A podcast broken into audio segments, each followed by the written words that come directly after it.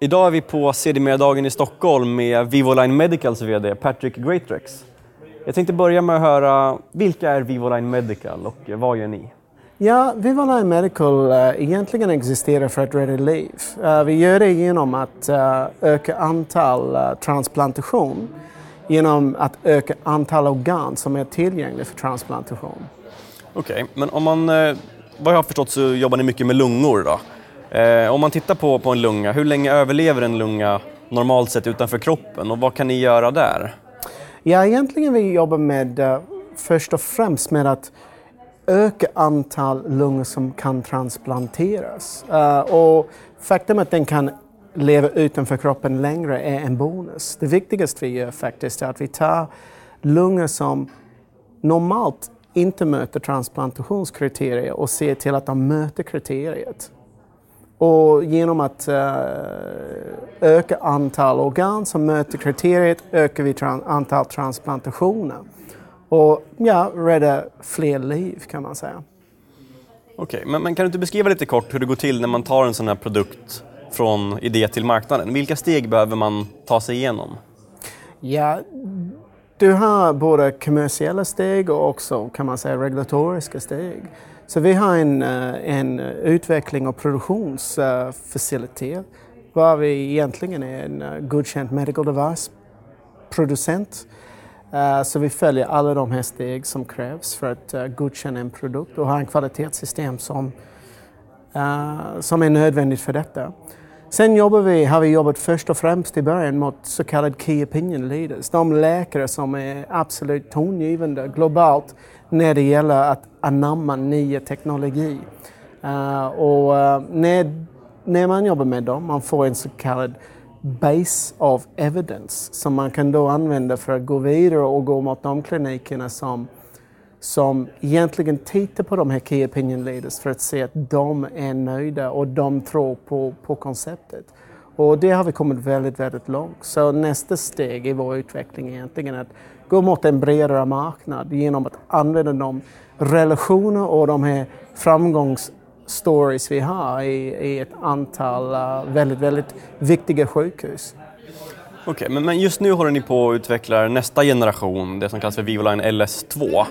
Kan du inte berätta lite hur ni ligger till där och när den produkten förväntas nå marknaden? Ja, LS2, uh, Vivoline LS2, en uppföljare till LS1, kommer vara klar faktiskt vid årsskiftet. Så vi är i den absolut, kan man säga, final stages av att C-marka den produkten för försäljning i Europa. Uh, sen har vi en planerad studie i USA som börjar under 2016 och LS2 kommer ingå i den studien uh, och då kommer den kunna säljas i USA 2018. Men i Europa ska den börja säljas under 2016. Okej, okay. men, men den här tekniken eller produkten används alltså för att behandla och testa lungor utanför kroppen då? Men eh, skulle man kunna använda samma teknik på andra organ än lungor? Absolut. Så nästa, nästa eh, produkt vi har i pipelinen är produkt för hjärtat. Och det är extremt spännande för då kommer vi kunna syresätta hjärtat utanför kroppen upp till 24 timmar. Det kan jämföra med dagens tid när man måste sätta ett hjärta i en patient inom fyra timmar. Från den tiden när man har börjat klampa hjärtat, skära ut hjärtat, transportera hjärtat och sen sätta det in och öppna upp. Du har fyra timmar. Så om du ska ta en, en jätte från typ Uppsala och göra en transplantation i Göteborg. Du har bara fyra timmar för att genomföra den processen. Och det är en enorm uh, stor utmaning och det driver kostnader. Så det är vårt nästa projekt och vi tycker det är extremt spännande. Okay, men, men ni har ju idag flera produkter på G. Då. Ni har ju framförallt först Vivoline LS1 och sen 2, men också Vivodex och Vivolite. Ehm, kan du inte ge oss en kort uppdatering på hur de olika produkterna ligger till? Hur pass marknadsnära är de? Ja, man kan säga att vi utvecklar just nu um, en hel system på lungsidan. Så på lungsidan har vi en maskin som kallas för LS2.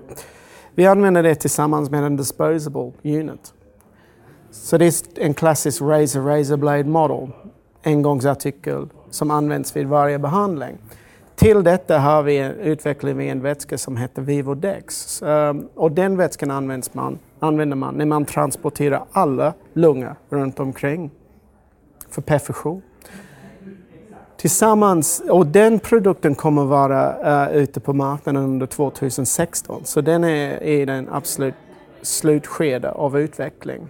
Uh, utöver detta har vi uh, Vivo Light som kommer vi användas för att evaluera lungorna. Och den produkten också kommer vara säljs i de första marknaden mot slutet av 2016. Mm. Men om vi tittar lite på marknaden då, hur, hur stor bedömer ni att den är för de olika produkterna? Ja, vi kan säga när det gäller lungsidan, vår bedömning är att vi adresserar en marknad som är värd ungefär 5 miljarder. Uh, om vi tar jetsidan är det också en marknad som vi tror är värd ungefär 5 miljarder. Okej, okay, men, men än så länge så har ni inte uppnått positivt kassaflöde och ni går fortfarande med, med förlust och ett utvecklingsbolag. Um, när förväntar ni er att vara kassaflödespositiva? Vår målsättning är att vara kassaflödespositiv mot slutet av 2017 eller under 2018. Okej, men om vi avslutar lite grann och tittar på den närmsta tiden och fokus framöver då. Hur, hur kommer det närmsta året att se ut och vad är det ni fokuserar på just nu? Ja, vi är fokuserade på uh, att driva försäljning av de befintliga produkterna vi har. Det är vår huvudfokus. Så vi jobbar väldigt uh, aktivt med att jobba tillsammans med lokala agenter i specifika länder för att driva, kan man säga, avslut av affärer i de olika länderna. Och sen klart, vi har en väldigt ambitiös utvecklingspipeline. Så att det är att få ut de här produkterna som kommer bli en viktig del av vår kassaflöde som vi jobbar extremt hårt med också. Med det vill jag tacka dig för att du ville komma hit och önska lycka till framöver. Tack så mycket. Tack.